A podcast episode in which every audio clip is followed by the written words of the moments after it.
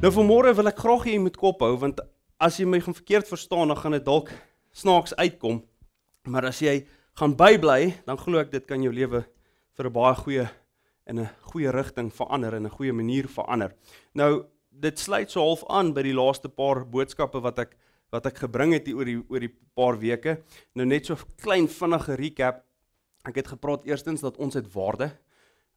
Hoekom het ons waarde? Want die God is waardig en ek het die bekende 10de versie gebruik van moet ons belasting aan die keiser betaal en God sê toe ou oh Jesus sê toe vir die fariseërs wie se beeld is op die geld en hulle sê toe nee die keiser se is op die geld en toe sê ek maar wie se beeld is op jou en as ons nog Genesis kyk dan sien ons duidelik God sê hy het man en vrou geskape in hulle beeld. So God se beeld is op ons. So as sy beeld op ons is, dan beteken dit dat ons moet het waarde want hy is waardig, maar dat ons moet ons waarde gebruik. Die tweedens het ons gepraat hoe ons ons ons waarde moet gebruik dat ons met geestelike doelwitte stel. Ons het gepraat oor Paulus wat gesê het hy's nie soos 'n bokser wat net in die lug rondslaan nie. Hy het 'n doel, hy werk iewers heen. En so is dit in ons geestelike lewens dat ons moet iewers heen werk. Ons moet geestelike doelwitte vir onsself stel, want anders te doen ons bietjie hier, ons lees bietjie Bybel, ons gaan bietjie kerk toe en ons is soos boksers wat in die lug rondswaai en hoop ons slaan 'n seëning raak, nê. Nee.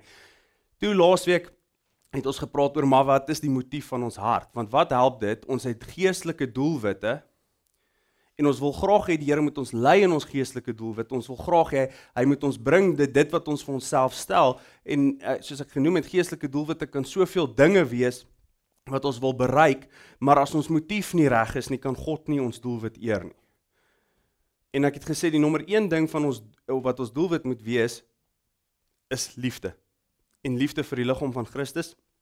Om dit help nie ek wil die gawes hê wat die Heilige Gees vir my gee nie dit en dit gaan nie tot stigting van die kerk van die liggaam van Christus nie want dit is waarvoor die gawes is. Die gawes is daar sodat ons stigtend kan wees tot die mense om ons dat ons stigtend kan wees tot die liggaam van Christus en die kerk nou as ek noem die kerk dan praat ek nou nie net van hier nie ek praat van die kerk oor die wêreld. So as ons wil hê dat dit wat ons ons doelwitte stel moet ons motiewe ook reg wees want dit is wat God op die einde van die dag gaan eer en gebruik.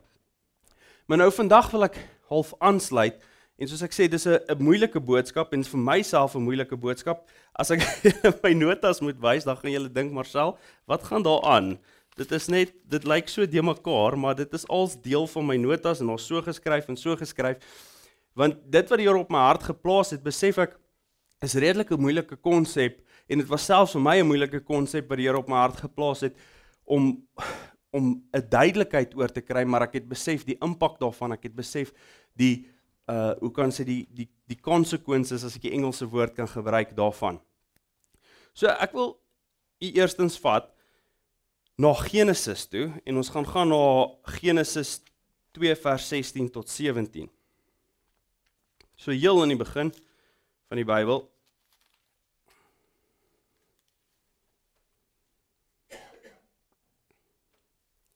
En die Here het aan die mens bevel gegee: "Van al die bome van die tuin mag jy vry eet, maar van die boom van die kennis van goed en kwaad, daarvan mag jy nie eet nie, want die dag as jy daarvan eet, sal jy sekerlik sterwe. So ons sien hierso dat hier's die mens in Eden in hierdie amazing plek waar hulle saam God loop, hierdie plek wat God se doel was vir die mens om saam met hom te wandel waar hulle vrylik met hom kan beweeg en God stel een wet daarso basies in die tuin. Hy stel een wet wat ons moet gehoorsaam. Nou waaroor my boodskap gaan vandag is in gehoorsaamheid en daarom sê ek ons moet so mooi luister dat ons gehoorsaamheid begin verstaan want ek dink ons het 'n wanpersepsie van wat dit is om gehoorsaam te wees in die Christelike geloof. Ek dink baie keer dink ons dat ons het 'n ons het so 'n idee van God wat daar bo sit en wanneer ek gehoorsaam is dan sê God sekere er sit hy 'n regmerkie agter my naam. Ek sien altyd so in die in die laerskool klassies dan sit hulle 'n goue kolletjie op jou kop of 'n goue kolletjie en ek dink ons het hierdie idee gekry dat as ek gehoorsaamheid toon dan dan somehow please ek vir God. Somehow maak ek die Here happy in 'n manier dat hy vir my iets gaan gee, dat hy vir my 'n goue kolletjie of 'n spogkol gaan gee.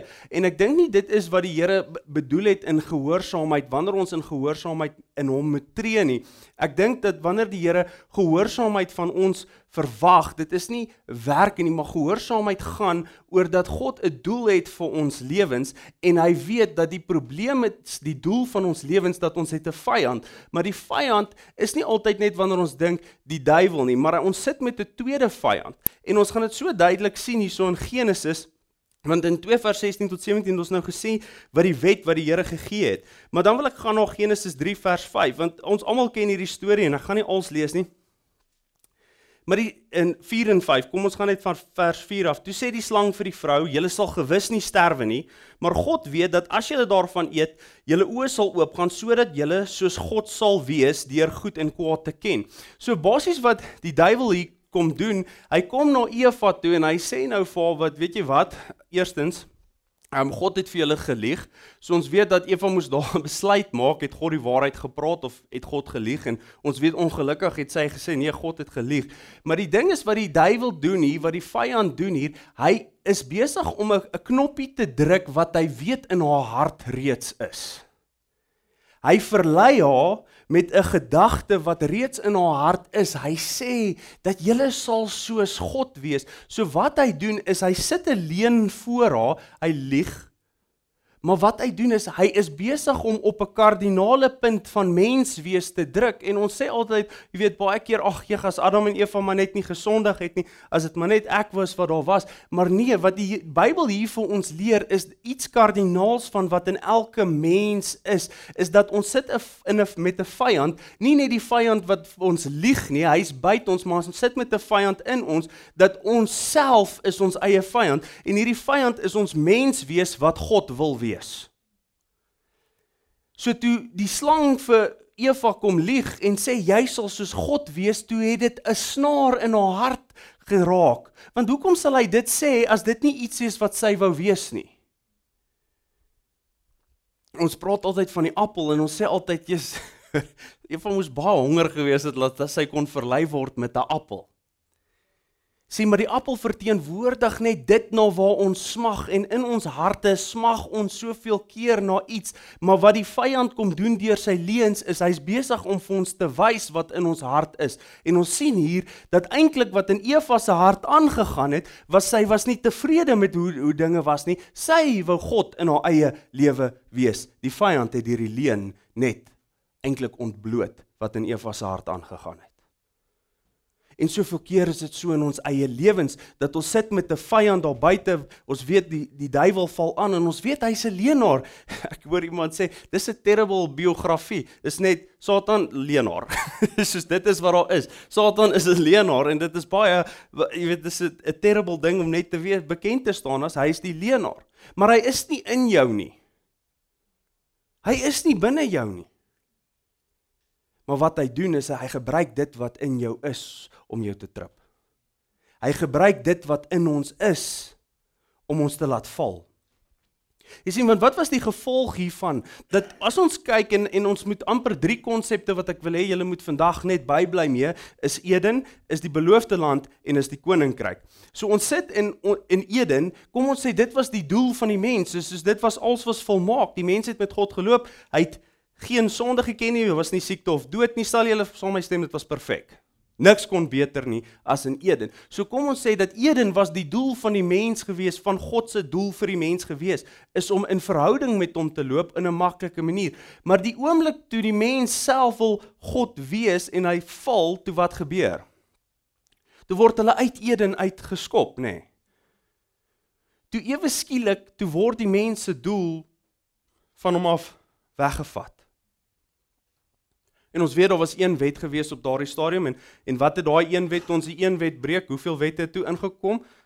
Oor die 600. ons weet daarom toe Jesus kom, toe het dit weer baie verminder, nê. Nee. Maar die probleem was dat soveel kere in ons lewens is ongehoorsaamheid of die gehoorsaamheid met God wat met ons praat wat ons eintlik weghou van ons doel af. Jy sien en ons kan dit so maklik sien deur die deur die Bybel. En Israel is vir my so goeie voorbeeld as ons kyk na Eksodus. Jy weet ons weet nou hulle deur die woestyn getrek, maar daar was kere wat ek gewonder het, is soos maar jy weet God kon alles doen. Hoekom het hulle maar nie net soos laat verdwyn en net appear in die beloofde land nie? Nee, hulle hulle moes deur die woestyn trek. En God het 'n rede gehad daarvoor dat Israel deur die woestyn moes trek. God het 'n plan daarmee gehad dat hulle hiermee hierdeur moes trek. Ons weet dat Israel, God het hulle gelei, maar dat God Israel 'n klomp foute gemaak het, maar ek wil u vat nog nog 'n Ou Testament boek. Ons gaan net uit die Ou Testament praat vandag. En hierdie boek toevallig is die boek wat Jesus die meeste gekwoteer het. Is dit nie interessant nie? Dat die boek wat Jesus die meeste gekwoteer het in sy uh uh sy bediening en in die skrifte wat ons lees is Deuteronomium. Julle het dit geweet. Dit wys vir ons dat ons belangrikheid op hierdie boek, nê. Nee. Wat beteken Deuteronomium? Wie weet? Dit dit kom van natuurlik die Latyn Deutros nomos die tweede wet. Dis wat dit beteken. Die tweede wet. Dit is geskryf aan die Hebreëse mense om hulle te herinner aan die wet van God. En ek wil 'n 'n hele hoofstuk lees. So bear with me. Dis 'n is 'n lang een. Maar julle gaan goed hoor wat julle ken en dalk nie. En dit gaan Deuteronomium 8 wees. Dit sê al die gebooie wat ek jou vandag beveel, moet julle sorgvuldig hou dat julle mag lewe en vermenigvuldig en dat julle mag inkom in die land in besit neem wat die Here aan julle vaders met 'n eed beloof het. En jy moet dink aan die hele pad waarlangs die Here jou God jou nou 40 jaar lank in die woestyn gelei het tot jou verootmoediging en beproewing om te weet wat in jou hart is of jy sy gebooie sal hou of nie. En hy het jou verootmoedig en jou laat honger ly en jou die manna laat eet wat jy en jou vaders nie geken het nie, om aan jou bekend te maak dat die mens nie van brood alleen lewe nie. Onthou julle daai, mens nie van brood, Jesus, nê? Nee maar dat die mens lewe van alles wat uit die mond van die Here uitgaan. Jou klere het het aan jou nie versluit en jou voet het nie het nou 40 jaar lank nie geswel nie. Erken dan in jou hart dat die Here jou God jou onderrig soos 'n man sy seun onderrig en hy hou die gebooie van die Here jou God om in sy weë te wandel en hom te vrees.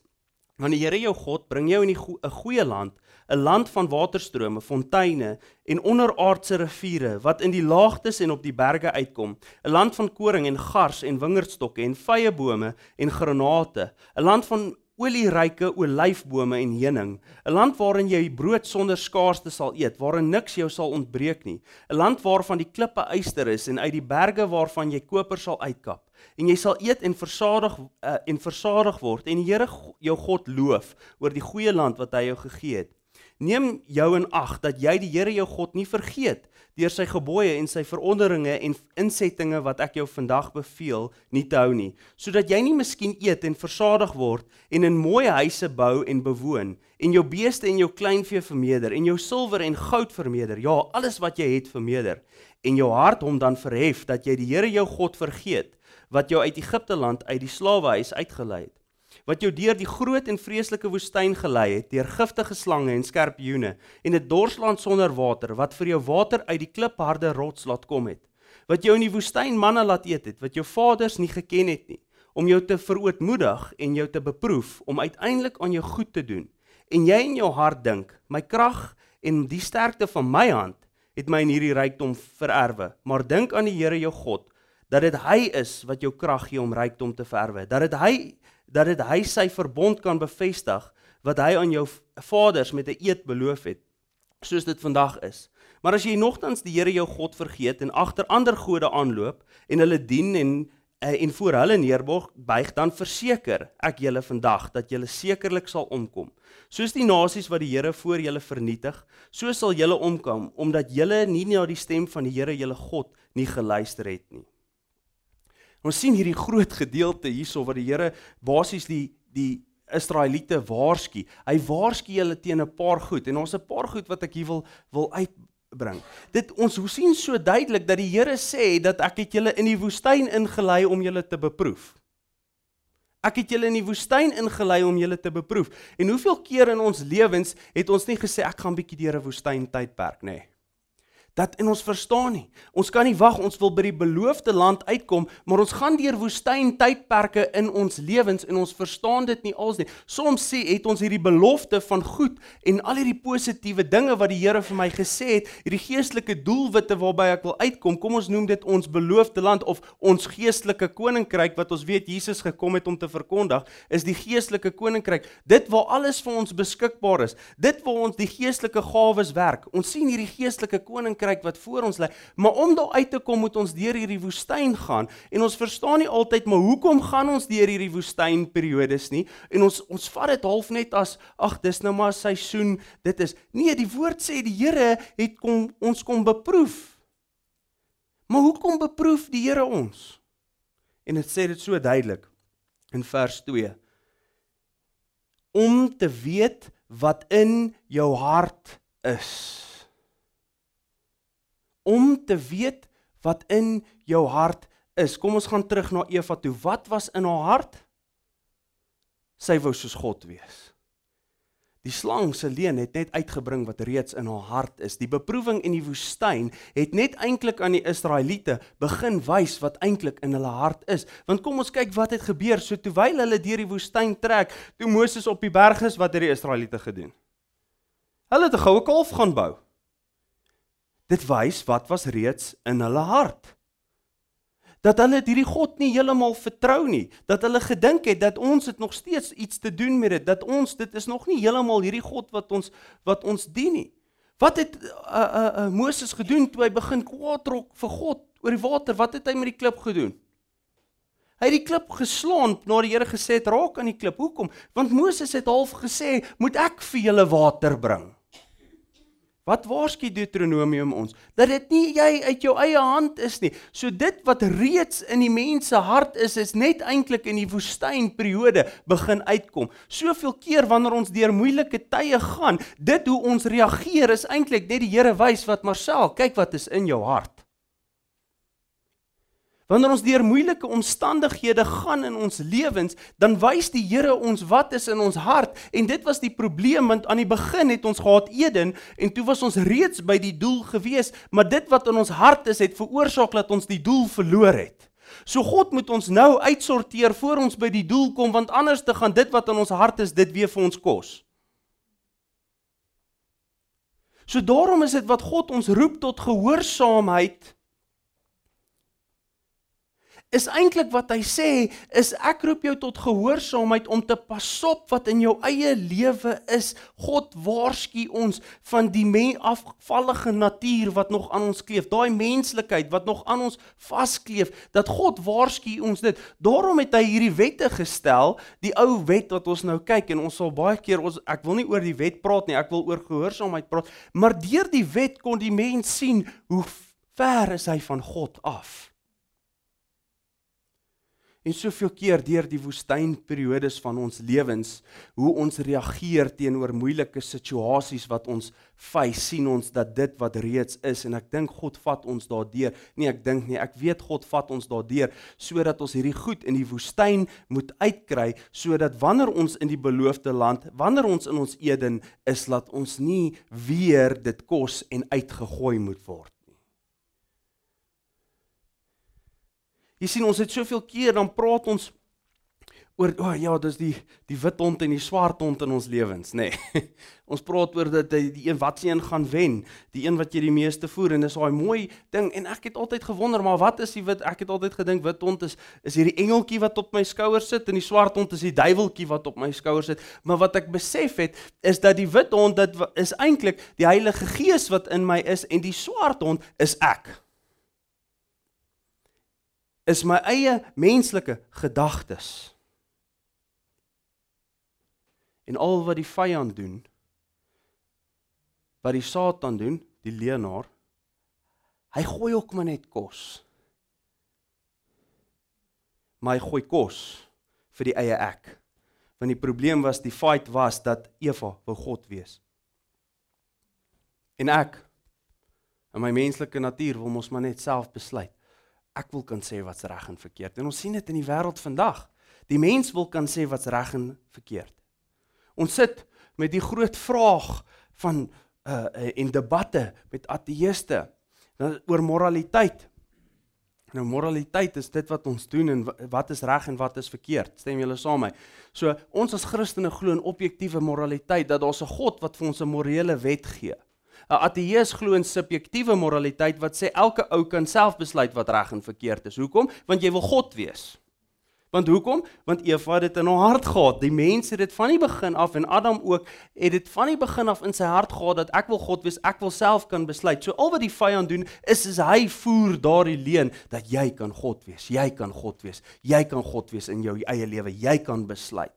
Maar God roep ons tot gehoorsaamheid van hom sodat ons daardie deel van ons lewens kan afsny sodat ons die beloofde land kan ingaan want dit is wat die Here gedoen het met Israel Nou ons sien so in Israel se geval dat ek ek hoor ek het nou gaan oplees van die mense het gesê 7 dae maar ek hoor hulle reken meer dis so 6 weke se trek van Egipte na Israel toe.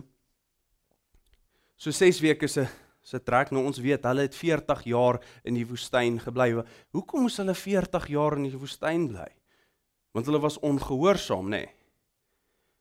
Jy sien en en dis wat ons sien, ons is ons sien o, maar God straf hulle. En ek dink soms voel ons so dat o, hoekom straf God my nou so? Nee. Marsal, dit vat 40 jaar om daai eie ek, daai generasie wat gedink het, hulle weet beter, moes ek eers wegkry sodat wanneer jy in die beloofde land, wanneer jy my beloftes ervaar, dat jy nie begin dink dis jy nie. En soveel keer is dit so in ons eie lewens is dat die beloftes lê voor, dit wat God ons beloof het, ons geestelike doelwitte lê voor en ons het nou begin trek, maar die afhangende faktor is wanneer ons dit gaan begin beleef, is hoe vinnig ek hierdie hart van myself uitsorteer. En hoe vinnig ek bereid is om dit uit te sorteer en te sê, Here, U wil nie my wil nie. Ons sien Jesus ook en ons praat ook van 'n woestyntydperk en ons vergelyk dit ook baie keer met Jesus, nê. Nee, Jesus was ook in die woestyn ingelei. Hoeveel dae? 40 dae. Hoeveel weke is dit? Omtrent so 6 weke. Hoe lank moes die trip van van Egipte na Israel te gewees het? Omtrent so 6 weke, nê. Nee.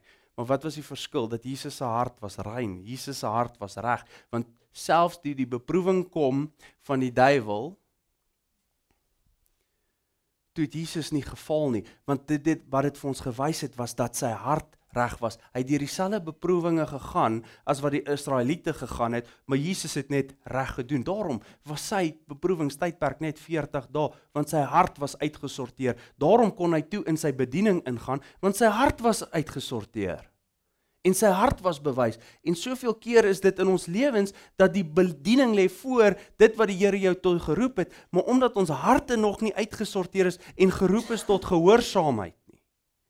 Sien, want ons verstaan gehoorsaamheid verkeerd. Want ons sê Here gee vir my dan sal ek. Nê. Nee. Is dit nie hoe ons operate nie? Here, as U vir my hierdie doen, dan gaan ek nou. Dan gaan gaan die kerk my elke Sondag sien. Dan gaan ek soveel ge... dit is ons met die Here probeer waken maar dit wys vir ons die feit dat ons so dink wys vir ons daar's 'n probleem met ons hart. Dit wys vir ons dat die goed is nog nie uitgesorteer nie en dis hoekom ons soveel keer nie die seëninge van die Here ervaar nie Want ons probeer die Here omkoop met beloftes waar hy roep. Hy sê, "Weet jy wat? Ek gee nie om oor jou beloftes nie. Ek gee om oor die doelwit waarvoor ek jou geskape het." En Marcel, ek wil net hê jy moet jou hart uitsorteer sodat ek jou kan plaas in die plek wat ek vir jou bepaal het. Ek het julle al baie vertel wanneer dit kom by hierdie gemeente, ek wou nie hierdie kerk stig nie. Ek wou nie, ek wou nie, ek wou nie. Ek wou nie. Hoekom? Want ek wil God wees vir my eie lewe. Ek wou sê wat die Here en ek is soos ek al duisend keer gesê het, ek is inniglik dankbaar aan die Here dat hy my al forceer het in die, in hierdie posisie en en gelei het in hierdie posisie want ek is gelukkiger as ek as wat ek ooit was. Maar ek moes my hart uitsorteer in hierdie tydperk om hierby uit te gekom het om hierdie gemeente te gestig het, het die Here my uitgesorteer. En ek sê nie ek's perfek nie, moenie nie 'n fout maak nie. Ek het nog baie baie foute Maar soveel keer kan ons die belofte wat die Here oor jou lewe gesê het eers ervaar wanneer ons deur moeilike tye gaan. En sê Here, maar hoekom beproef U so? Want hy hy sê kyk hoe reageer jy teenoor jou beproewing. Kyk hoe reageer jy, Marcel. Ja, dis 'n moeilike omstandigheid en dit dit is nie wat ek vir jou wil hê nie. Ek wil hê jy moet 40 dae dan moet jy daar wees. Maar ongelukkig kyk wat kom nog uit jou hart uit. So ek moet jou 'n bietjie langer in hierdie woestyn hou want Marcel, jy moet eers hierdie hierdie hart van jou uitsorteer. Want die probleem is as ek jou toelaat net in die beloofde land, as ek jou net magically toe die dag toe jy bekering kom en boom in die koninkryk van geestelike krag sit, gaan jy dit verongeluk en ek gaan jou moet uitskop. Want die vyand is in jou. En daai vyand wat in jou is, is nie die duiwel nie. Dis jouself. Maar die vyand wat buite is, hy voer daai kos. Nee. God lieg. God lieg vir jou. Maak dit sin vandag wat ek vir julle sê. Ek besef dis 'n moeilike ding want want ons kan soveel keer dink dat gehoorsaamheid is werke en dit is nie werke nie. Gehoorsaamheid is nie ek wat doen en die Here bless my nie. Gehoorsaamheid gaan oor om my lewe in orde te kry met wat God vir my sê. Nou wat sê God vir my? Wat sê God vir jou? sien gehoorsaamheid gaan nie aan daar's nêrens in die Bybel wat sê weet wees jou pastoor gehoorsaam nie. Dit sou 'n baie goeie versie gewees het, maar hy is ongelukkig nie daar nie. Um ek dink Paulus het dit net vergeet, maar sien gehoorsaamheid gaan nie aan mens nie. Gehoorsaamheid gaan nie aan net 'n wet neerskryf nie. Gehoorsaamheid gaan oor dit wat God vir jou sê in jou hart en in jou lewe. Soveel keer in ons lewens ervaar ons die stem van God. Soveel keer sê God vir ons goed.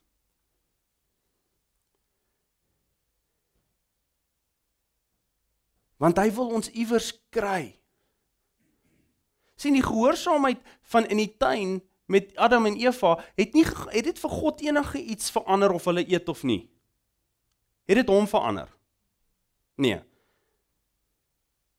Het dit hom minder God gemaak. Nee, dit het geen effek op die persoon van God gehad nie, op wie dit effek gehad.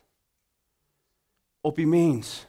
En soveel keer is dit gehoorsaam wanneer God met jou praat oor gehoorsaamheid, gaan dit nie oor hom nie en dis hoe ons dit dink. Ons dink o en en toe ek in die skole Bybel Bybelklas gegee en dan was dit altyd Christendom is net 'n klomp wette en reëls. Dis net jy mag nie dit en jy mag nie dat en jy mag nie dit.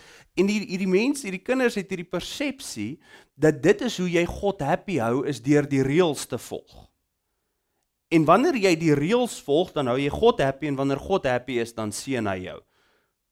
Maar toe besef ek daar's baie groot mense wat ook so dink. dat as ek die reëls volg, gaan ek vir God gelukkig maak en wanneer God gelukkig is, dan gaan hy my seën. Nee. God is gelukkig. God is lief vir jou, soos ons laasweek gehoor het. Sy liefde verdra al, sy liefde bedek alles. Sy liefde vir jou. Hy is gelukkig oor jou. Maar die probleem is is dit wat hy vir jou sê in gehoorsaamheid is vir jou sodat jy die beloofde land kan beerwe. Want hy sê in Deuteronomium 8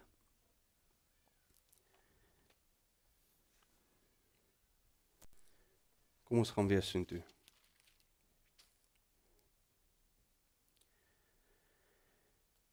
Hy sê maar dink aan die Here jou God vers 18 dat dit hy is wat jou krag gee om rykdom te verwe dat dit hy sy verbond kan bevestig dat hy aan jou vaders met 'n eed beloof het soos dit vandag is Maar as jy nogtans die Here jou God vergeet en agter ander gode aanloop en hulle dien en voor hulle neerbuig, dan verseker ek julle vandag dat julle sekerlik sal omkom.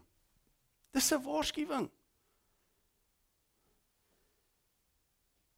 Dis 'n waarskuwing wat die Here vir ons gee. Hy roep ons tot gehoorsaamheid sodat ons sy oorvloed kan gee. Hy wil seën, dit sê daar. Hy wil vir jou die beloftes gee. Hy wil sy beloftes nakom. Hy wil vir jou die beloofde land. Hy wil vir jou krag gee. Hy wil vir jou die Heilige Gees vrugte gee. Hy wil dit vir ons gee. Ons het net nodig om ons harte in lyn te begin bring. Want die Heilige Gees gee vir ons die oorwinning.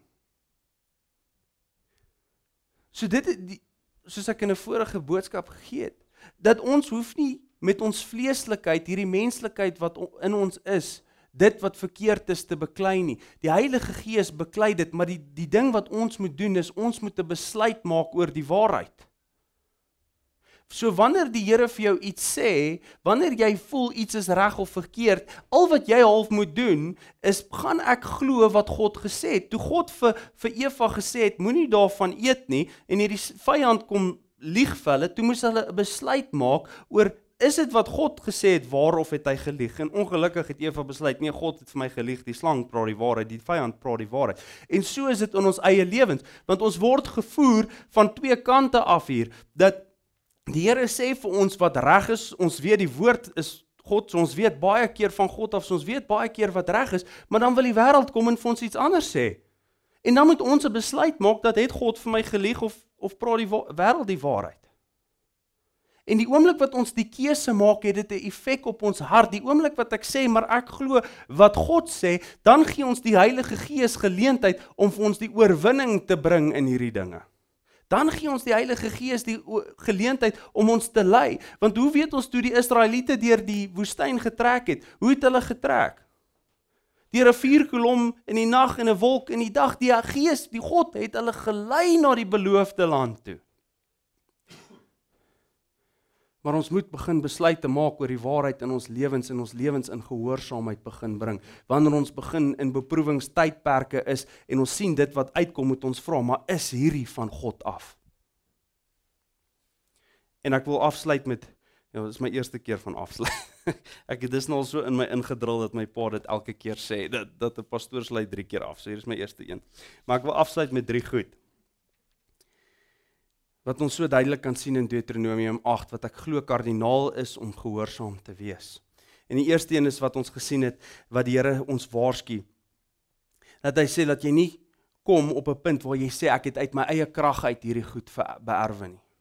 En is nederigheid. Ek glo om in gehoorsaamheid met God te loop is nederigheid want nederigheid is die teenoorgestelde van dat ek is in beheer, nê. Nee. Want dit was die probleem met Adam en Eva, dis die ek wil God wees situasie. Dis daai menslikheid wat wil in beheer wees van onsself. So wanneer ons nederig verkeer, dan is ons altyd besig, altyd besig om God bo onsself te stel. Wanneer ons in nederigheid met God in God in ons verhouding met God wandel, is ons die heeltyd besig om God bo onsself te stel en te sê dat Marcel, jy is nie in beheer nie. Dit was my so interessant. Het julle al gewonder hoekom hoekom buig ons ons hoofde wanneer ons bid of hoekom kniel ons? Dit dit beteken nie iets vir die Here nie, dit beteken iets vir jou. Want dis jy wat 'n submissive posture vat wat jy eintlik sê is Here ek bring myself voor U neer. En en alhoewel dit nie dalk vir God eer bring nie sit dit in jou gedagtes dat jy maak jouself 'n mindere jy maak jouself nederig voor God en sê Here ek het nie die antwoorde nie U het die antwoorde. So wanneer ek met U praat is ek vat ek net hierdie hierdie gedeelte en dit is al is dit heeltemal materieel en fisies en so sit dit geestelik het dit vir my die impak dat ek sê dat Here ek bly nederig voor u dat ek het nie die antwoord nie. Ek kom voor u Here want u is hoër as wat ek is. Dis wat Deuteronomium 8 ons in waarsku is om in nederigheid te wandel. Die tweede belangrike ding van Deuteronomium 8 en hierdie is is amper die kruks is in vers 3 En hy sê en hy het jou verootmoedig en jou laat honger ly en jou die manna laat eet wat jy en jou vaders nie geken het nie om aan jou bekend te maak dat die mens nie van brood alleen lewe nie maar dat die mens lewe van alles wat uit die mond van die Here uitgaan. Die Here sê dat dit wat belangrik is is nie die fisiese nie, dit wat belangrik is is die geestelike. Dat hy herinner ons dat dit wat belangrik is is die geestelike die geestelike realm wat ons weet wat wat bestaan. Dit waar God is hy hy hy roep ons tot dit. Hy sê onthou dit. En dit is wat Jesus ook gekwout het. Dit is die gedeelte wat Jesus aangehaal het. Toe hy vir hom sê, hoorie maar sê vir hierdie klippe hulle moet brode word. Toe sê Jesus is dat ons die mens sal nie van brood alleen lewe nie, maar elke woord wat uit die mond van God uitgaan wat Jesus gesê het is is dat hierdie fisiese wat ons sien is nie die belangrikste nie, die geestelike is die belangrikste. So wanneer ons in gehoorsaamheid met God wil lewe, wanneer ons wil begin in 'n 'n posisie uh, loop sodat ons vinniger by ons beloftes kan uitkom, is om altyd te onthou, dit gaan nie oor hierdie nie, dit gaan oor die geestelike.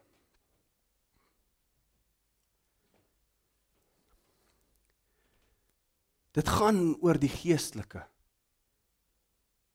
En dat ons moet groei in ons geestelikheid. Soos ek al voorheen genoem het, ons moet 'n duidelike onderskeid tussen geestelikheid en heiligheid sit, nê. Nee. Heiligheid bring nie geestelikheid voort nie. As ek hier buite gaan staan en gaan hardop bid en en ek kan so netjies wees en ek kan vir almal sê ek is so van dit maak my glad nie geestelik nie. Geestelikheid is om te groei in jou verhouding met God. En dit is wat hy vir ons hier sê. Is hou aan groei in julle verhouding met hom. Dan sal jy vinniger by die beloofde land uitkom. En die laaste een. Vers 4 sê jou klere het aan jou nie verslyt en jou voet het nou 40 jaar lank nie geswel nie. So ons sien eintlik 'n wonderwerk wat hulle aan herinner dat hulle klere het nie en hulle voete het nie geswel al hierdie 40 jaar wat hulle moes trek nie. En dit herinner ons aan ons geloof, nê. Nou wat is geloof? Geloof is eintlik maar net vertroue. Faith is trust. Om te vertrou in God om aanhoudend ons vertroue in God te plaas, om te onthou dit wat hy vir ons gedoen het, dit wat hy ons al deurgebring het. Hy roep ons tot herinnering. Ek dink die hoofstuk se so opskrif hierdie Bybel vir my ja, sê vermaaning tot gehoorsaamheid deur 'n opsomming van die groot weldade van God. Dis die opskrif. Vermaaning tot gehoorsaamheid. Verstaan mooi, dit gaan nie oor die wet nie. Dit is nie waar ek vandag die boodskap. Dit gaan oor gehoorsaamheid. Maak dit sin? Dat ons begin ge, in geloof net kyk wat die Here vir my doen sodat ek kan onthou sodat ek kan vorentoe beweeg, sodat ek my doel kan bereik, sodat ek die beloofde land kan beerwe. Want dit is wat die Here gedoen het en ons sien dit. Dit is so amazing deur die hele woord gebruik die Here altyd fisiese voorbeelde, materiële voorbeelde om vir ons geestelike konsepte te verduidelik nê. Nee, ons sien dit Jesus het dit soveel keer gedoen in sy uh uh uh in sy metafore wat hy gebruik het, in sy gelykenisse wat hy gebruik het. Hy gebruik fisiese voorbeelde om geestelike konsep en ons sien dit so duidelik dat die Israeliete was hierdie groot fisiese voorbeeld vir ons. En vandag beloof die Here vir ons die koninkryk dat jy die koninkryk kan beerwe. Hy beloof ons lewe en lewe in oorvloed. Hy het al hierdie beloftes vir ons. Hy het hierdie beloftes vir ons. Maar hy roep ons tot gehoorsaamheid. En hoe roep hy ons deur tot gehoorsaamheid? Hy vat ons deur die woestyn, deur die moeilike tye sodat ons kan sien wat in ons hart aangaan, sodat ons ons hart kan uitsorteer, sodat ons die beloofde land kan ingaan en hom nie verloor soos Adam en Eva hom verloor het nie. Jy het 'n doel. God het 'n belofte oor jou lewe. God wil jou vorentoe vat. Maar in sy belofte gee vir jou waarskuwings. Gee vir jou wette.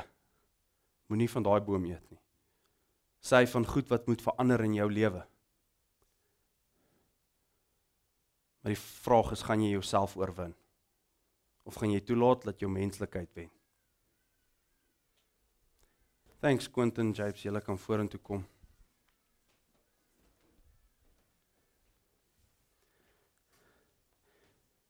Sien maar my hartsbegeerte is om in die krag wat die Here vir ons daar tot beskikking te gesit het te loop. En my hartsbegeerte is is dat die kerk moet opstaan. Die my hartsbegeerte is dat die kerk die liggaam van Christus ten volle weer moet funksioneer soos dit wat God hom al gesit het. My hartsbegeerte is dat mense nie meer na die kerk sal kyk en sê ag shame, beklaanswaardig, armoedig, jammer, kruip op die grond, kerk, smeek kerk. Ek wil nie dit hê nie want dit is nie wat ek glo die God vir die kerk beloof het nie. Dis nie wat ek glo God sy bruid het. Ek glo nie die bruid van Christus is 'n arme, jammer vloerlap van die wêreld nie. Ek glo die bruid van Christus moet wees dat almal kyk en sê kyk hoe skyn. Kyk die glorie van God is op die bruid van Christus. Dis wat ek glo die kerk moet wees. Dis wat ek glo die liggaam van Christus moet wees. Dat wanneer mense na ons kyk, moet hulle God sien. Wanneer mense na ons kyk, moet hulle God sien. Dis my hartsbegeerte. Ek moet 'n refleksie wees van wie God is. Maar hoe kan ek 'n refleksie wees van wie God is as ek net hier in die woestyn ronddwaal? As ek net hier in die woestyn rond beweeg, as ek weet van my ek het die doelwit van die beloofde land, En ons het al hierdie mooi boodskappe tot nou gehoor, ons het waarde en ons kan dit sien in Israel, God is God se volk, hulle het waarde gehad. God het gesê, julle gaan 'n lig vir die nasies wees. Julle gaan 'n stad op 'n heuwel wees. En dit ons sien al hierdie beloftes wat die Here oor ons gee. En ons is great, ek het 'n doel en dan sê die Here, "Oké, okay, great, jy het 'n doel, maar Marcel, nou gaan jy deur die woestyn gaan." En hoe langer ek gaan vat om my hart uit te sorteer, hoe langer gaan ek in hierdie woestyn. Hoe langer ek gaan vat om myself tot gehoorsaamheid te bring, hoe langer gaan ek in hierdie woestyn ronddwaal. Maar ek wil waarsku om jou hart uit te sorteer is nie maklik nie. Want die omstandighede wat gaan kom, gaan jy dalk 'n paar lelike dinge sien uitkom. Maar weet jy wat? As dit uitkom dan weet jy daarvan dan identifiseer jy dit in jou lewe en jy sê nie meer nie. Identifiseer daai dinge wat uitkom sê dis nie van God af nie, nie meer nie. Dis nie in lyn met wat God vir my sê nie, nie meer nie. Daai reaksie was nie van God af nie, nie meer nie. Daardie gedagtes is nie van God af nie, nie meer nie. Daardie verslawing is nie van God af nie, nie meer nie. Ek bring myself in gehoorsaamheid sodat ek die beloofde land kan beerf, dat ek die koninkryk kan beerwe. Ek weet nie of enige van julle is wat sy nee dankie. Ek's happy in die woestyn. Wie wie's happy in die woestyn? Dis hoekom die Here vir ons sê in Openbaring, kom na my toe en koop goud wat deur vuur gelouter is. Ek sal vir jou gee. Waarvan praat hy geeslik? So nou dat jy die doelwitte gestel het, nou dat jy jou waarde ken, nou dat jy jou motief reg gekry het, nou begin jy trek. En nou kom die challenges. Maar moenie bang wees vir die challenges nie. En weet jy wat, dalk gaan jy nou al 'n ruk deur 'n woestynperiode. Dalk gaan jy al deur 'n ruk wat jy voel jy beproef word. Gaan ontleed jou reaksies. En sodoende ontleed jy jou hart en dan sien jy begin jy die goed identifiseer wat besig is om jou dalk weg te hou van die belofte. Moenie net aanhou dwaal. Kom op die punt van gehoorsaamheid sodat jy in die volheid van wat God vir jou beloof het kan leef. En ek glo wanneer ons dit gaan begin doen, gaan ons begin sien hoe mense God in ons sien. Sal dit nie wonderlik wees nie? Ek onthou ek het eendag, eendag in my lewe. En dit was lank terug. het iemand net vir my gesê, "Jesus, maar sal ek sien net Jesus in jou?" En dit het my so laat huil. Want dit was die amazingste kompliment wat ek op daardie stadium ontvang het. En ongelukkig tussen daai tyd en nou het daar baie dinge gebeur en ek weet nie of dit meer die waarheid is dat mense net Jesus in my sien nie. Maar dis my hartsbegeerte om weer daar uit te kom dat wanneer ek met iemand handel dat hulle sê ek sien Jesus in jou, ek sien God in jou.